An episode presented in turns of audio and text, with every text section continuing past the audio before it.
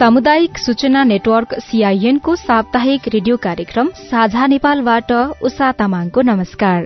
कार्यक्रम साझा नेपाल सामुदायिक रेडियोहरूको छाता संगठन सामुदायिक रेडियो प्रसारक संघ अकुराबद्वारा संचालित सामुदायिक सूचना नेटवर्क सीआईएन मार्फत देशभरि प्रसारणमा रहेका तीन सय भन्दा बढ़ी सामुदायिक रेडियोबाट सुन्न सकिन्छ। साझा नेपाल डब्लूडब्लूडब्लू डट सीआईएन खबर डट कममा इन्टरनेट मार्फत चाहेको बेला विश्वभरि सुन्न सकिन्छ भने मोबाइल एप सीआईएन र हाम्रो फेसबुक पेज सीआईएन खबर मार्फत पनि सुन्न सकिन्छ। कार्यक्रम साझा नेपालको आजको अंकमा हामी नेपालमा बाढ़ी पहिरोको जोखिम र यसका कारण अनि बच्ने उपाय र विपदजन्य घटनाबाट जोगिन प्रदेश सरकारले गरिरहेको तयारीबारे छलफल गर्दैछौ। पछिल्लो एघार वर्षको तथ्याङ्क हेर्दा पहिरोका घटना बढ़ेका छन्। यो अवधिमा मनसूनमा मात्रै दुई हजार चार सय पैंसठीवटा पहिरोका घटना हुँदा एक हजार तीन सय सतासी जनाको मृत्यु भएको छ। तीन सय तीस जनाको अवस्था अझै थाहा हुन सकेको छैन। राष्ट्रिय विपद जोखिम न्यूनीकरण तथा व्यवस्थापन प्राधिकरणले यस वर्षको मनसूनका समयमा आउन सक्ने बाढ़ी पहिरो र विभिन्न खाले विपदले बीस लाख जनसंख्या प्रभावित हुने आंकलन यस अघि गरिसकेको छ। मौसम पूर्वानुमान महाशाखाले पनि यस वर्ष अधिक वर्षा हुन सक्ने भन्दै सचेत गराइसकेको छ। यस्तो अवस्थामा विपदजन्य घटनाबाट हुने क्षति न्यूनीकरणका लागि प्रदेश सरकारहरूको तयारी के छ? सुनौ यो रेडियो रिपोर्ट। दिनभरि त यसो खेताला पर्मावर्मामा गइन्छ राति बास बस्न चाहिँ धेरै कठिनाई छ। अब कि बा पहिरो आइसक्ने हो कि बा राति सुत्दाखेरि? मनसून सक्रिय भएका कारण देशका धेरै जसो भागमा पानी परिरहेको छ। झरीसँगै नागरिक बाढ़ी पहिरोको त्रासमा छन्। पहाड़ी जिल्ला बाढ़ी र पहिरो तथा तराईका जिल्ला डुबानको उच्च जोखिममा पर्छन्। नजिकैको खहरे खोला पनि बर्खामा उर्लिएर आई बाढ़ी बनेर घरैमा पस्छ। धविन्द्र बराल यो खोलाको कारण बस्ती नै जोखिम भइसक्यो। हुम्ला जुम्ला मुगु कालीकोटका यात्रु दिनौ दुःख पाउँछन्। प्रदेश एकको इलाम पाँचथर धनकुटा तेह्रथुम ओखलढुङ्गा लगायत जिल्ला पहिरोको उच्च जोखिममा छन्। बाढ़ी पहिरो खस्ने क्रम शुरू भइसकेको छ। प्रदेश नम्बर एकका आन्तरिक मामिला तथा कानून मन्त्रालयका सचिव कालीप्रसाद पराजुलीका अनुसार सरकार भने प्रदेशभरिका चौधवटै जिल्लाको जोखिम क्षेत्रको नक्साङ्कन गर्दैछ। सबैभन्दा धेरै डुबानको समस्या झेल्दै आएको मध्य प्रदेशले विपदबाट हुन सक्ने क्षति न्यूनीकरणको लागि कसरी काम गर्दैछ? मध्य प्रदेशको गृह तथा संचार मन्त्रालयका सचिव रामकुमार महतो। उद्धार सामग्रीहरू खरिदको प्रक्रिया अगाडि बढिसकेको छ। डेढ करोड भन्दा पनि बढी छ। सुरक्षा निकायमा ती सबै सामग्रीहरू पठाइदिन्छौँ। हरेक स्थानीय तहमा डुबान नहुने हाइट बढी भएको भूभागमा हेलिप्याड बनाउने। बागमती प्रदेशका आन्तरिक मामिला तथा कानून मन्त्री कृष्ण प्रसाद शर्मा खनालका अनुसार विपद प्रतिकार्यका लागि उद्धार राहतका सामग्री सहित टोलीलाई तयारी अवस्थामा राखिएको छ। गण्डकी प्रदेशको विपद कोषमा छ करोड़ रकम जम्मा भएको छ।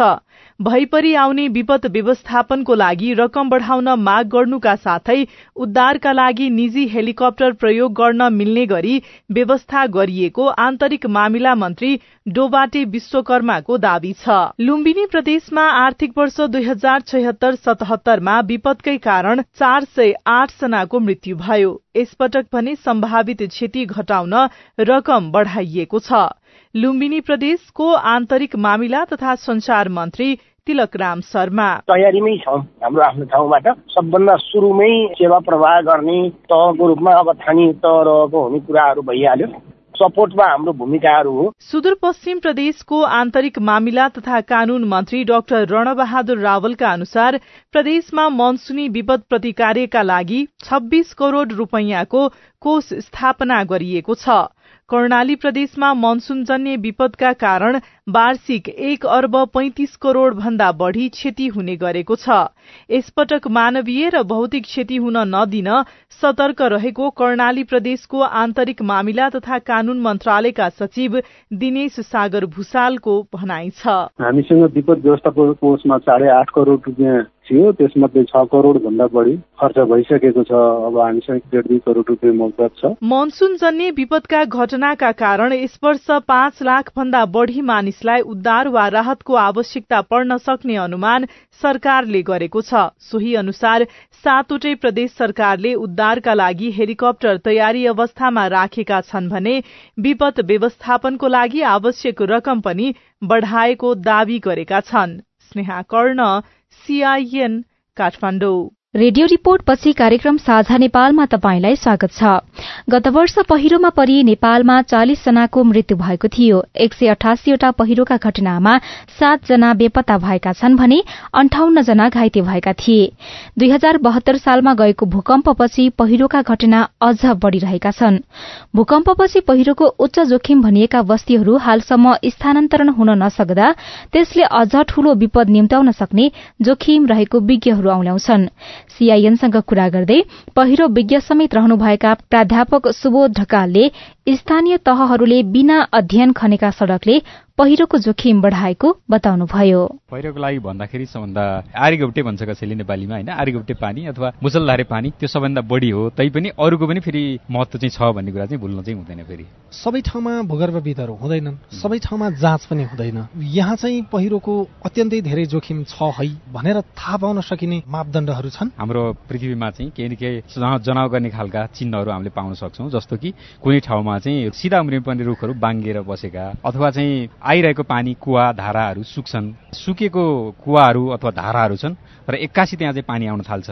भने त्यो पनि के हो त भने पहिरोको एउटा सम्भावित ठाउँको रूपमा हामीले हेर्नुपर्ने हुन्छ। र अर्को भनेको पहिला पहिरो गइसकेको ठाउँहरू फेरि पहिरो जाने सम्भावना उत्तिकै हुने कारणले गर्दाखेरि पुरानो पहिरो गएको कहाँ थियो भनेर हामीले थाहा पाउन सक्यौँ भने त्यो ठाउँमा चाहिँ फेरि पहिरो जान सक्छ भन्ने कुराको हामीले अनुमान गर्न सजिलैसँग सक्छौँ। त्यस्तै कुप्रिएका पहाडहरू हुनसक्छ अथवा चाहिँ तल्लो भेगबाट चाहिँ खोलाले कटान गर्दै जाँदाखेरि माथिबाट पहिरो जाने सम्भावना हुन्छ। भनेपछि घुम्तीवाला खोला जुन हुन्छ त्यसलाई पनि हामीले पहिरोको भनौँ न एउटा इन्डिकेटरको रूपमा चाहिँ हामीले हेर्न सक्छौँ। हाम्रो घरको वरिपरि जथाभावी पानी बग्छ त्यहाँ चाहिँ पहिरो जान सक्छ सक्ने सम्भावना बढी हुन्छ भन्ने कुरा पनि हामीले बुझ्नुपर्छ। र जमिनमा चिराहरू परेको छ भुवाङहरू परेको छ भने त्यो पनि के हुन्छ भने पहिरोको लागि चाहिँ इन्डिकेटरको रूपमा हामीले हेर्नुपर्छ। त्यो ठाउँबाट कुनै न कुनै बेला अथवा ठुलो भुइँचालो जाँदा अथवा ठुलो पानी पर्दाखेरि पहिरो जान्छ भन्ने कुरा चाहिँ हामीले अनुमान गर्न सक्छौँ। जोखिम छ भन्ने जान्दा जान्दै पनि तत्कालै बसाइ सरेर जान सम्भव नभएका केही बस्ती अहिले पनि पहिरोको जोखिममा चाहिँ बसिराखेकै छन्। उनीहरू चाहिँ कसरी सजग भएर रात कटाउने कसरी सजग भएर दिन कटाउने? अब यसलाई एकदम उपायको रूपमा त लिनु भएन होइन? उहाँहरूको कोही रिलेटिभ्सहरू हुनुहुन्छ अथवा कुनै सुरक्षित स्थान उहाँलाई पत्ता लागेको छ गाउँबाट अथवा कुनै तरिकाबाट पत्ता लागेको छ भने त्यो ठाउँमा गएर समुदाय आफै सबैजना मिलेर गएर अस्थायी रूपमा बसोबास गर्ने अथवा आफन्तहरूकोमा गएर बस्नु हुन्छ। किन भन्दाखेरि ज्यानभन्दा ठुलो अरू केही पनि हुँदैन। त्यस कारणले त्यहाँका मानिसहरूले स्थानीय मानिसहरूले गर्न सक्ने अहिलेको लागि चाहिँ मैले देख्दाखेरि चाहिँ यही कुरा हो। भएन भने चाहिँ पहिरो जान सक्ने सम्भावनाको जुन इन्डिकेटरहरू छ त्यसलाई चाहिँ त्यसमा चाहिँ के काम गर्न सक्नुभयो भने केही समयको लागि चाहिँ रोक्न चाहिँ सकिन्छ भन्न चाहिँ हामीले अब सरकारतिर जाउँ। नेपालमा विपदको पूर्व तयारीका लागि राज्यले गरेका प्रयासहरू पर्याप्त छन्। अब राज्यले गरेको हुन त के छ भन्दाखेरि राज्यले गर्ने यो विपदको सम्बन्धी जहाँ पनि गरिरहेका छन् त्यो सबै ठाउँमा अप अपुरो नै देखिन्छ अपर्याप्त नै देखिन्छ होइन? हाम्रो देशमा त यो झनै अपर्याप्त छ किन भन्दाखेरि हाम्रो मानस पटलमा के छ मानिसहरूको अथवा जिम्मा लिएका मानिसहरूको अथवा भनौँ जिल्ला जिल्लामा खटिएका मानिसहरूकै पनि के छ भन्दाखेरि यो विपद भन्ने चाहिँ यो भगवान्को कारणले हो भन्ने नै अझै हामीले देखिरहेका छौँ। यसलाई चाहिँ विपदको जोखिमलाई घटाउन सक्छौँ र विपदबाट हुने बच्न सकिन्छ भन्ने कुराको अझै जनमानसमा चेतना जनमानस मात्रै होइन कि यो सम्बन्धी काम गर्ने गर्ने मानिसहरू अथवा निकायहरूको बिचमा पनि यो चाहिँ दुविधाहरू के चाहिँ गरिनुपर्छ? खासमा चाहिँ के गरिनुपर्छ भन्दाखेरि यो विपद भनेको चाहिँ यसको जोखिमलाई घटाउन सक्यो भने विपदलाई घटाउन सकिन्छ भन्ने कुरा पहिलो बुझ्नु पर्यो। र त्यसपछि चाहिँ हाम्रो जुन विभिन्न निकायहरू छ त्यो निकायहरूको बिचमा चाहिँ समन्वयकारी भूमिका हुनु पर्यो। कसले के गर्ने भन्ने कुराको क्लियर एउटा खाका हुनु पर्यो। जस्तो फर इक्जाम्पल अहिले कुनै ठाउँमा चाहिँ बाढी आइहाल्यो भने त्यो बाढीमा कसले रेस्पोन्स गर्ने हो भन्ने कुरा कसले गर्ने हो? सबभन्दा पहिला कसले गर्ने हो? त्यसपछि कसले गर्ने हो? अथवा बाढी आउँछ तर बाढीबाट बस्न पहिला नै जुन पूर्व तयारीहरू गर्नुपर्ने हो अर्ली वार्निङको कुरा गर्नुपर्ने हो त्यो चाहिँ कसले गर्नुपर्ने हो भन्ने कुरा पनि हामीले के गर्नु पऱ्यो भने सुरुमा नै गर्नु पऱ्यो भनेको मतलब विपद जोखिम न्यूनीकरण भन्छौँ हामीले। विपद जोखिम न्यूनीकरणमा अध्ययन अनुसन्धान अनि त्यसपछि पूर्व तयारी पूर्व सूचना अनि त्यसपछि त्यसको चाहिँ हामीले रेजिलियन्सहरू रेजिलियन्सीहरू होइन? त्यसबाट चाहिँ बच्ने उपायहरू लगाउने। होइन मिटिगेसनका अप्सन्सहरू हो यी सबै कुरालाई चाहिँ हामीले क्रमशः गर्न सक्यौँ भने चाहिँ अनि त्यसपछि हामी बल्ल के हुन्छ भने विपद व्यवस्थापनमा चाहिँ अलिकति अगाडि बढ्न सक्छौँ र मानिसहरूको जीवधनको चाहिँ सुरक्षामा हामी अथवा जीवधनलाई बचाउन सक्छौँ जस्तो चाहिँ लाग्छ मलाई। पहिरो र बाढीको कुरा गर्दाखेरि के हुन्छ भने ठुलो पहिरोले नै फेरि बाढी निम्त्याउने हो। त्यस कारणले पहिरो चाहिँ एउटा सुरुवात भयो। त्यसपछि त्यसले बाढीको रूप समेत लिने भयो कि? बाढीको समेत रूप लिँदाखेरि के हुन्छ पहिरो सुरु भएर मान्छेको जनधनको जुन क्षति भएको छ त्यसको गणना चाहिँ बाढीमा नआएको पनि हुनसक्छ एउटा कुरा। पहिरोमा किनभने सुरुवात कहाँबाट हो भने पहिरोबाट भयो। र अर्को कुरा चाहिँ के हो त भन्दाखेरि बाढीमा चाहिँ पूर्व सूचनाहरू अलिकति के मात्रामा हाम्रोमा विकसित भएको छ। तर पहिरोमा चाहिँ पूर्व सूचना भन्दा पनि अर्ली वार्निङको जुन छ कन्सेप्ट त्यसमा चाहिँ पहिरोमा लाउन नसकिएको एउटा कुरा छ। र अर्को कुरा भनेको पहिरो कति भाग चाहिँ पहिरो भएर अनि हाम्रो बस्तीलाई चाहिँ सखा पार्न सक्छ भन्ने खालको आकलन गर्न बाढीमा भन्दा गाह्रो छ। किनभने बाढीमा चाहिँ तपाईँको के हुन्छ भने खोलाको छेउछाउमा तपाईँ हुनुभयो भने कुन खोलामा चाहिँ पानी धेरै पर्दाखेरि कति लेभलको पानी आउला भन्ने हामीले भन्नलाई सहिलो छ किन बाहिरबाट देखिन्छ। तर जमिनमा चाहिँ जमिन मुनि भएको कुराहरू जुन उथलपुथल भइरहेका हुन्छन् त्यो अनस्टेबल भएका कुराहरू त्यो ठ्याक्कै देख्न नसक्ने कारणले यहाँ चाहिँ के हुन्छ भन्दाखेरि तपाईँको यो कति एरिया लिएर चाहिँ पहिरो जान्छ भन्ने पनि थाहा नपाउने अनि बस्तीहरू पनि कुन बस्तीसम्म कुन घरसम्म अथवा कति ठाउँ चाहिँ ओगटेर यो पहिरोले चाहिँ क्षति गर्छ होला भन्ने पनि आकलन गर्न पनि गाह्रो। अनि त्यो कारणले गर्दाखेरि के हुन्छ थाहै नपाइकन मान्छेहरू सुतिरहेको बेलामा अनि पहिरो गएर अनि सबै चाहिँ तपाईँको के हुन्छ भने चिहानमा बदलिने यस्तो चाहिँ देखिएको छ। जुन स्थानीय तहहरूको चाहिँ अहिले हेर्ने भने के छ भने स्थानीय तहहरूमा चाहिँ धेरै जसो कुनै पनि स्थानीय पालिकाहरूमा चाहिँ तपाईँको डोजर छैन भने के भन्ने चलन रहेछ भन्दाखेरि हामी पनि जाँदाखेरि अध्ययनको क्रममा जाँदाखेरि उहाँहरूको यही एउटा डोजर पनि छैन भने यसले के विकास गर्छ भन्ने खालको छ। भनेपछि अब हाम्रो बस्ती त छरिएर बसेको छ हेर्नुहोस् होइन बस्ती चाहिँ डाँडामा तपाईँले हेर्नु हो भने अलिकति तल दुई चार घर आठ दसवटा घर बिचमा त्यसपछि आठ दसवटा घर टुप्पामा छ। अनि सबै मानिसहरूलाई चाहिँ तपाईँको विकास त दिनु पऱ्यो भनेपछि हामीले के गर्छौँ डाँडालाई छिया छिया बनाएर काटेका छौँ। अनि त्यो चाहिँ त्यसमा कुनै इन्जिनियरिङ डिजाइनको सडकहरू बन्दैन नि त्यो त हामीले सबैलाई थाहा छ। अब नेसनल लेभलमै बनेका सडकहरूको त हाम्रो मुगली नारायण जस्ता सडकहरूमा त यस्तो समस्या छ भने त्यो गाउँघरमा बन्ने सडकको त तपाईँले हामीले अन्दाज गर्न सकिहाल्छौँ। भनेपछि त्यहाँ चाहिँ के हुन्छ जथाभावी खनिने हो। र हामीले के भन्ने गरेका छौँ भने डोजर ड्राइभरलाई इन्जिनियर बनाउने चलन छ भन्ने गर्छौँ हामीले। भनेपछि डोजरले चाहिँ जता जता खन्न सजिलो हुन्छ उहाँले त्यतै त्यतै खन्दै बाटो खन्दै लानुभएको हुन्छ।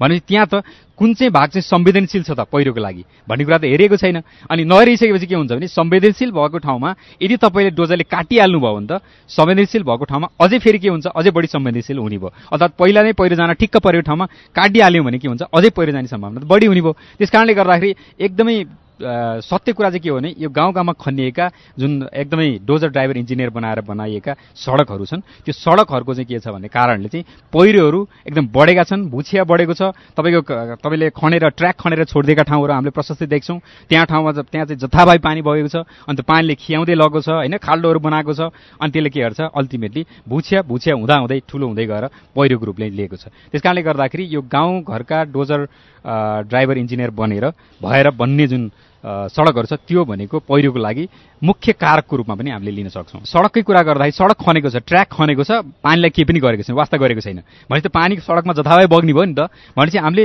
कुलो चाहिँ कमसेकम भल तर्काउने अथवा सडकको छेउमा कुलो बनाइदिने अथवा गाउँ नै छ भने गाउँमा हामी अलिकति तलतिर हाम्रो गाउँ छ माथितिर पानी जथाभावी बगिरहेको छ। भनेपछि माथितिरबाट तर्काएर हामीले के भने एकत्रित गर्ने भन्छौँ हामीले। पानीलाई एकत्रित गर्ने भन्छौँ जथाभावी बग्न नदिने। त्यसलाई चाहिँ हामीले यहाँले भन्नु जस्तै भल तर्काउने भन्छौँ होइन? त्यो भल तर्काउने पनि एउटा के हुन्छ भने उपाय हुन्छ। जसबाट चाहिँ के हुन्छ भन्दाखेरि यो बर्खाको याममा पानी जमिन मुनि छिर्ने सम्भावना कम हुन्छ।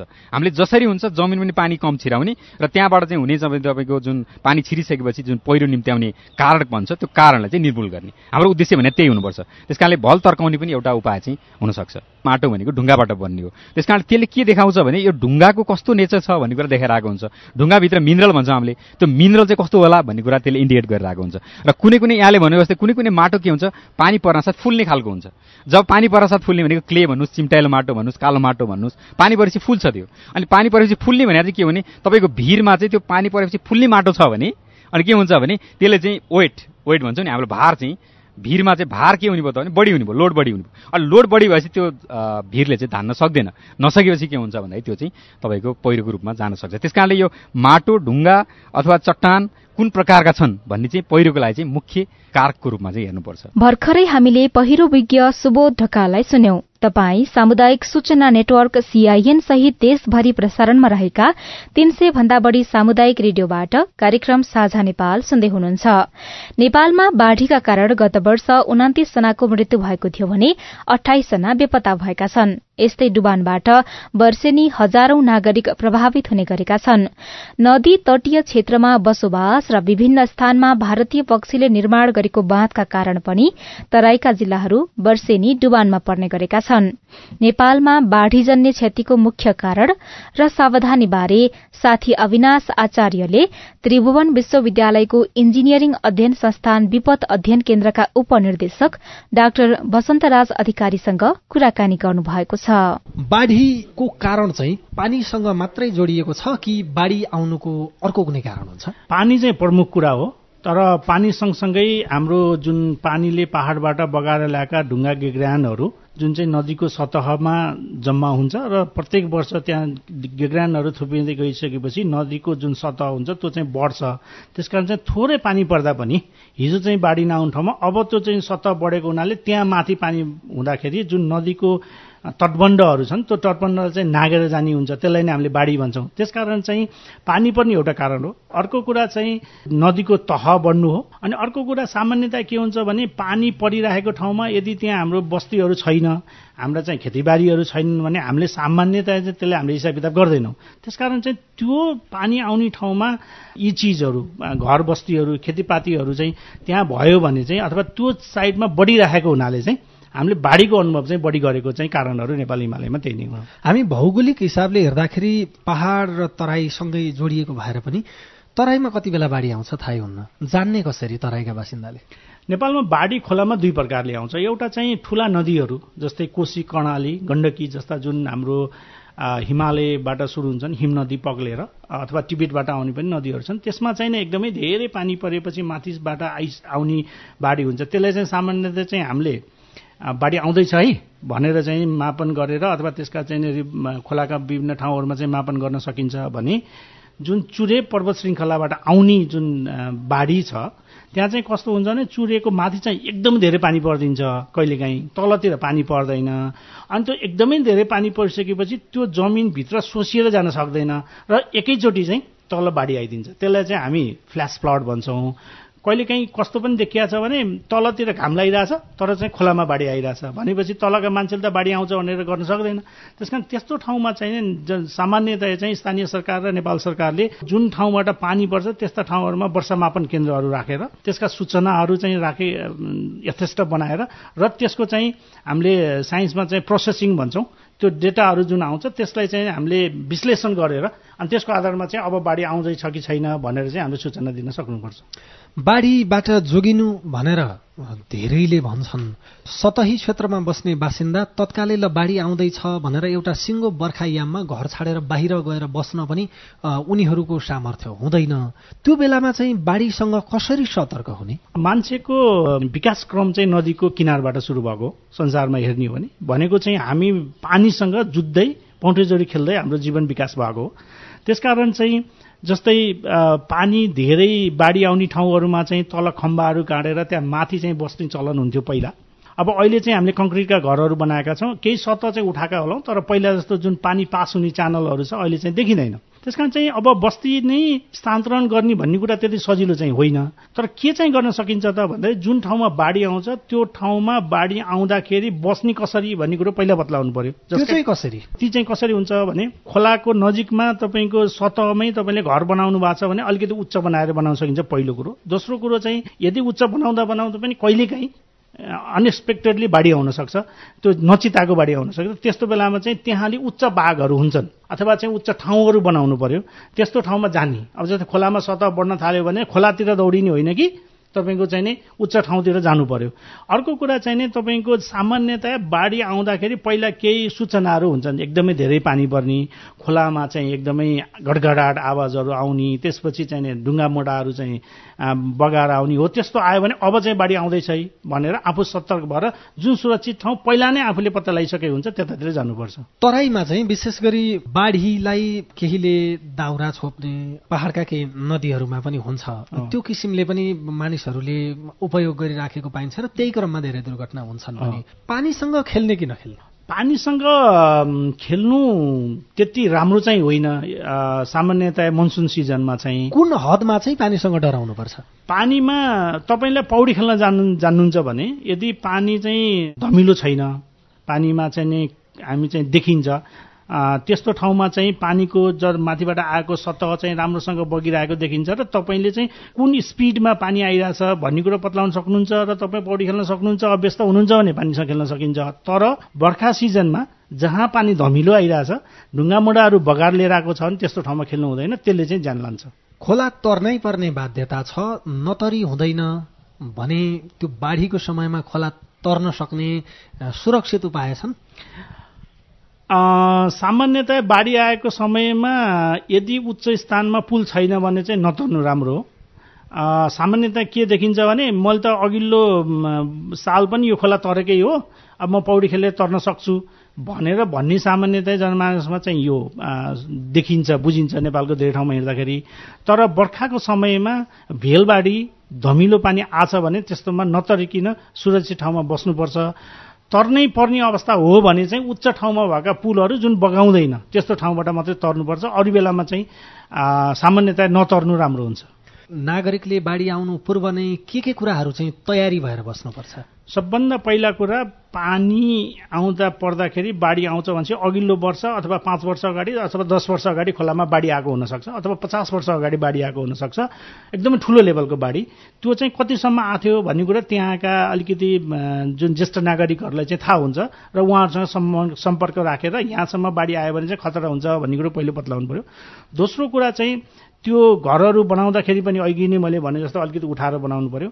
तेस्रो कुरा चाहिँ बाढी आइसकेपछि अर्को समस्या खानेपानीको हुन्छ तराईमा चाहिँ। त्यस कारण चाहिँ अलिकति उच्च भागमा उठाएर चाहिँ त्यो नदीको कल हुन्छ नि त्यो क के अरे पानी खाने कल भूमिगत जलस्रोतको त्यसको चाहिँ अलिक उच्च ठाउँमा बनाउनु पर्यो।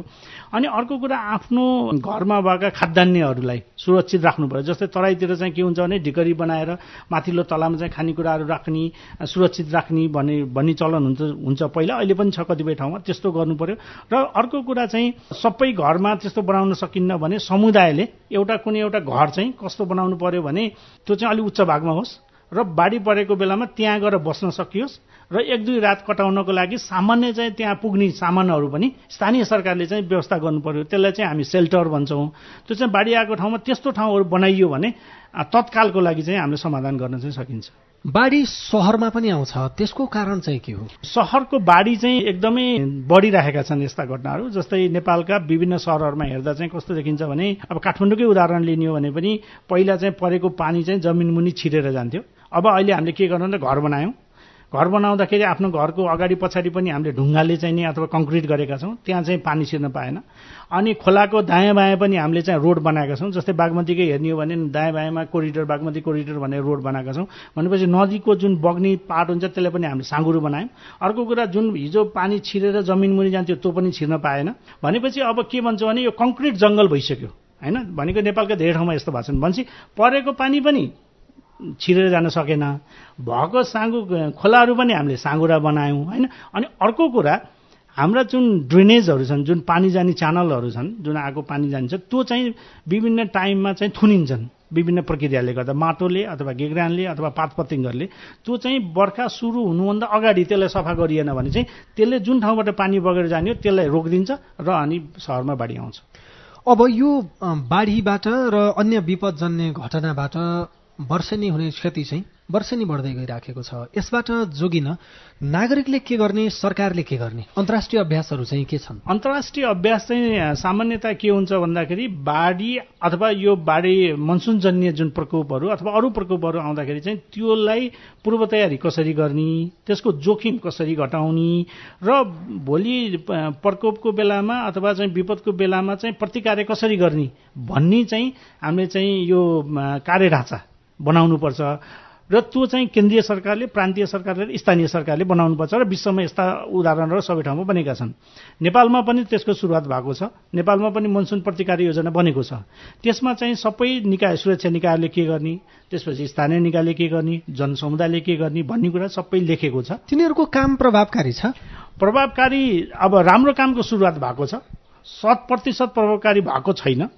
किनभने त्यो हुने क्रममा छ हामीले भर्खरै पाँच छ वर्ष भयो बल्ल स्थानीय सरकार बनेको त्यस कारण चाहिँ केन्द्रीय सरकार र स्थानीय सरकार बिचको अथवा प्रान्तीय सरकार बिचको जुन सहकार्य छ अथवा चाहिँ सूचना प्रवाहको जुन प्रविधि छ त्यो चाहिँ बिस्तारै विकसित हुँदै गइरहेको र हाम्रा स्थानीय जनप्रतिनिधि र त्यहाँ भएका चाहिँ इन्जिनियर अथवा अरू चाहिँ योजना काम गर्ने साथीहरूले बिस्तारै त्यसलाई अभ्यास गर्दै गरिराख्नु भएको हुनाले सुरुवात राम्रो चाहिँ भएको छ तर पूर्ण चाहिँ भएको छैन। मानौ म स्वयं त्यस्ता विपदजन्य घटनाबाट हुने क्षतिको सम्भाव्य ठाउँमा छु भने म आफैले पनि त्यसलाई कम गर्न सक्छु? अथवा नागरिकको दायित्व चाहिँ के हुन्छ? नागरिकको दायित्व एकदमै छ। तपाईँले खोलाको नजिकमा चाहिँ माछा मार्न पाइन्छ अथवा चाहिँ त्यहाँ व्यापार गर्न पाइन्छ अथवा चाहिँ आफ्नो जीविकोपार्जनको लागि चाहिँ त्यहाँ उपलब्ध स्रोत साधन छन् भनेर चाहिँ जोखिमयुक्त ठाउँमा गएर घर बनाउनु भएन। पहिलो कुरा। दोस्रो कुरा म आफै बसिरहेको स्थान कतिको सुरक्षित छ भन्ने कुरा नागरिकले जान्नुपर्छ। त्यो जान्ने विभिन्न तरिका एउटा आफैले अध्ययन गरेर पनि जान्न सकिन्छ। आफैले अध्ययन गरेर जान्न सकिन्न होइन? भने त्यहाँ त्योसँग सम्बन्धित सरकारी कार्यालयहरू अथवा त्यो नजिकै भएका विश्वविद्यालयहरूमा गएर चाहिँ हाम्रो ठाउँ चाहिँ कतिको जोखिममा छ त्यसको अध्ययन गरेर हामीलाई चाहिँ बुझाइदिनुहोस्। भनेर भनियो भने नेपालमा त्यो लेभलको अध्ययन गर्न सक्ने जनशक्ति छ र कामहरू भएका छन्। त्यस चाहिँ नागरिक आफै नै उत्तरदायित्व भएर आफ्नो जोखिम आफैले घटाउनेतिर लागि भने सरकारले मात्रै गरेर जोखिम न्यूनीकरण हुन चाहिँ सक्दैन। नेपालमा बाढ़ीजन्य क्षतिको मुख्य कारण र सावधानी बारे जानकारी गराउँदै हुनुहुन्थ्यो त्रिभुवन विश्वविद्यालयको इन्जिनियरिङ अध्ययन संस्थान विपद अध्ययन केन्द्रका उपनिर्देशक डाक्टर वसन्तराज अधिकारी। जल प्रकोपका कारण हुने मृत्युका हिसाबले नेपाल दक्षिण एसियाकै उच्च जोखिमयुक्त मुलुक हो। यही छलफलसँगै हामी कार्यक्रम साझा नेपालको अन्त्यमा आइपुगेका छौं। साझा नेपाल तपाईंलाई कस्तो लाग्यो? हाम्रो टेलिफोन नम्बर शून्य एक बान्न साठी छ चार छमा फोन गरेर दिइएको निर्देशन अनुसार आफ्नो जिज्ञासा सल्लाह सुझाव तथा प्रतिक्रिया रेकर्ड गर्न सक्नुहुन्छ। हवस् त। आउँदो साता आजकै समयमा फेरि रेडियो कार्यक्रम साझा नेपाल लिएर उपस्थित हुनेछौ। त्यतिन्जेलसम्मका लागि प्राविधिक साथी सुभाष पन्तलाई धन्यवाद दिँदै उषा तामाङ विदा हुन्छु। आउँदो साताको साझा नेपालमा फेरि भेटौँला। नमस्कार।